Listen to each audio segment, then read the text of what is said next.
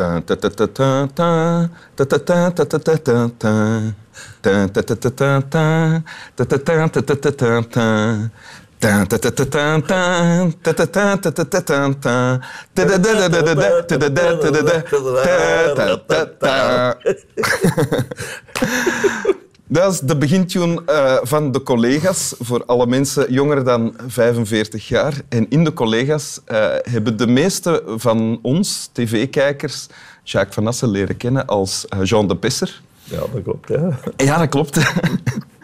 Acteur sinds lang in theater, voor tv en voor de film. Ehm voilà.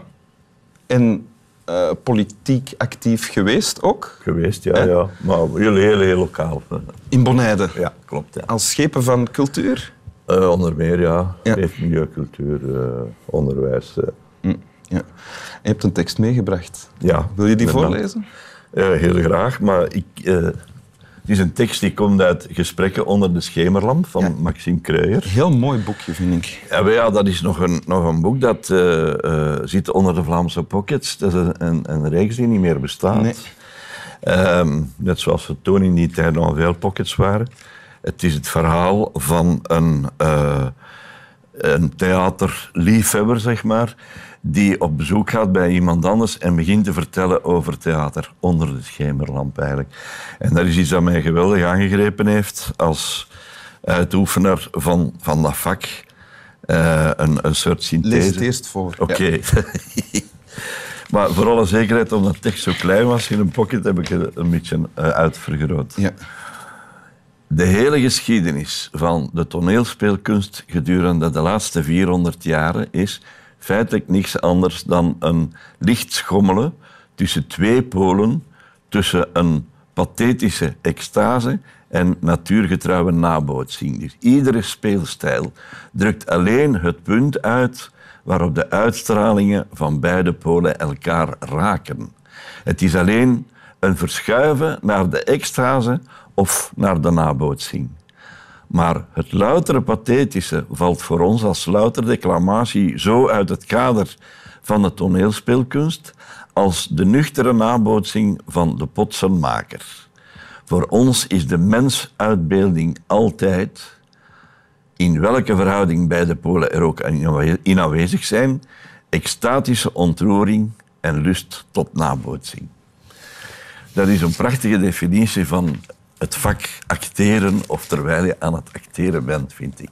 Oké, het- het is niet zo eenvoudig als je het zo voorleest. Eh, het wel- klinkt niet eenvoudig in alle. Ja, nee, dat is waar. Ik denk dat je met je in het vak moet zitten om, eh, om eh, te zeggen van aha, dat ik daar zelf niet aan gedacht had. Maar het is iemand die dat, die bedenking op papier heeft geschreven. Was je zelf al acteur toen je dit voor het eerst las? Of, ja, ik was amateur-acteur op dat ogenblik. Ik heb dat boekje nooit gekregen naar aanleiding van een vermelding ergens in een, in een eh, toneelwedstrijd bij een amateurgezelschap in het Mechelse. Eh, en naar aanleiding daarvan heb ik dat boekje gekregen. toen was je twintig jaar of zoiets.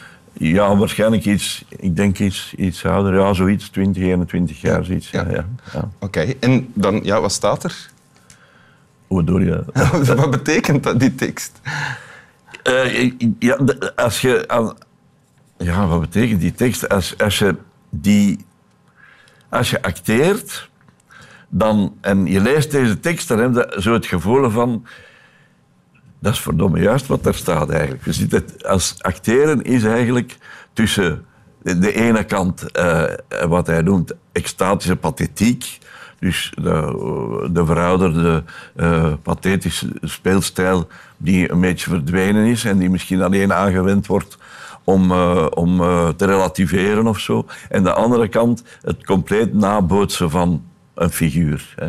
Ja. Dus in het uiterste, in, in het hele uiterste zou je bijvoorbeeld eh, kunnen terechtkomen bij, ehm, eh, zeg maar, tegen de sterren op. Dat gaat louter over imiteren van iemand. Dat is de pathetische... Nee, nee. Nee, ja, dat is de natuurgetrouwe nabootsing. Ja, ja, ja. En aan de andere kant, dan zit je in een overdreven eh, pathetiek, eh, eh, die ook eigenlijk ja, niet meer gebruikt wordt, die stijl eigenlijk. Nee. Dat zijn twee polen. Voilà. En Maxime Kreuyer zegt, daartussen schommelen de, de, de- al acteren is daar tussen Acteren scholen. is eigenlijk zo'n schuifweerstand die voortdurend over en weer gaat. Eigenlijk. Het is bijna, bijna eh, ja, wetenschappelijk, eh, wiskundig omschreven wat eigenlijk acteren inhoudt. Eigenlijk. En is het dan, je hebt veel verschillende rollen gespeeld in veel eh, andersoortige reeksen en tv-stukken. Zie je dan, kan je dan van jezelf ook zeggen van, ah ja, nu zit ik meer richting pathetische extase en dat klopt bij dit soort rol? Ik denk dat, dat, je, dat je eigenlijk als acteur daar in, allee, voortdurend bezig bent met, met die emoties van naar links en naar rechts, van links naar rechts. Ik denk dat het ook niet erop aankomt. Ik denk dat je niet te ver naar rechts moet gaan of niet te ver naar links moet gaan, maar ergens in, in het midden moet blijven vertoeven. Emotioneel, denk ik. Ja, ja. Maar je, geeft, je hebt zelf ook les gegeven, Ja, denk ik. ja. Eh, je geeft nog les misschien? Nee, nee, Ah, nee. pensioen, Heb je dat dan ook gebruikt? Eh, nee, dat, ik, eigenlijk niet. Maar ik heb wel, ik heb wel altijd eh, eh, le- leerlingen die eh toneelles volgden, altijd op het hart gedrukt. Dat ze moesten altijd proberen op zoek te gaan naar emoties die ze kennen en die opslaan en die eigenlijk proberen te vertolken. Dat is het meeste eerlijke. En ik denk dat elke toeschouwer dat ook ziet. Zonder dat, zonder dat hij dat bewust weet. weet hè. Je bedoelt dat de toeschouwer ziet of het geloofwaardig Ja, is of, ja, niet, of, ja. niet, of dat het echt is. Voelt, voelt, voelt van dat is van u of dat is niet van u. En om dat te kunnen doen als speler, moet je op zoek naar die, die emotie.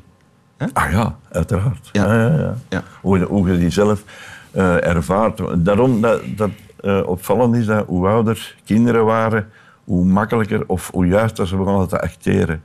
Eh, andere kinderen beginnen, die spelen, dat is echt spelen. Hè? Maar dat is ook leuk, dat is ook leuk om dat te kijken.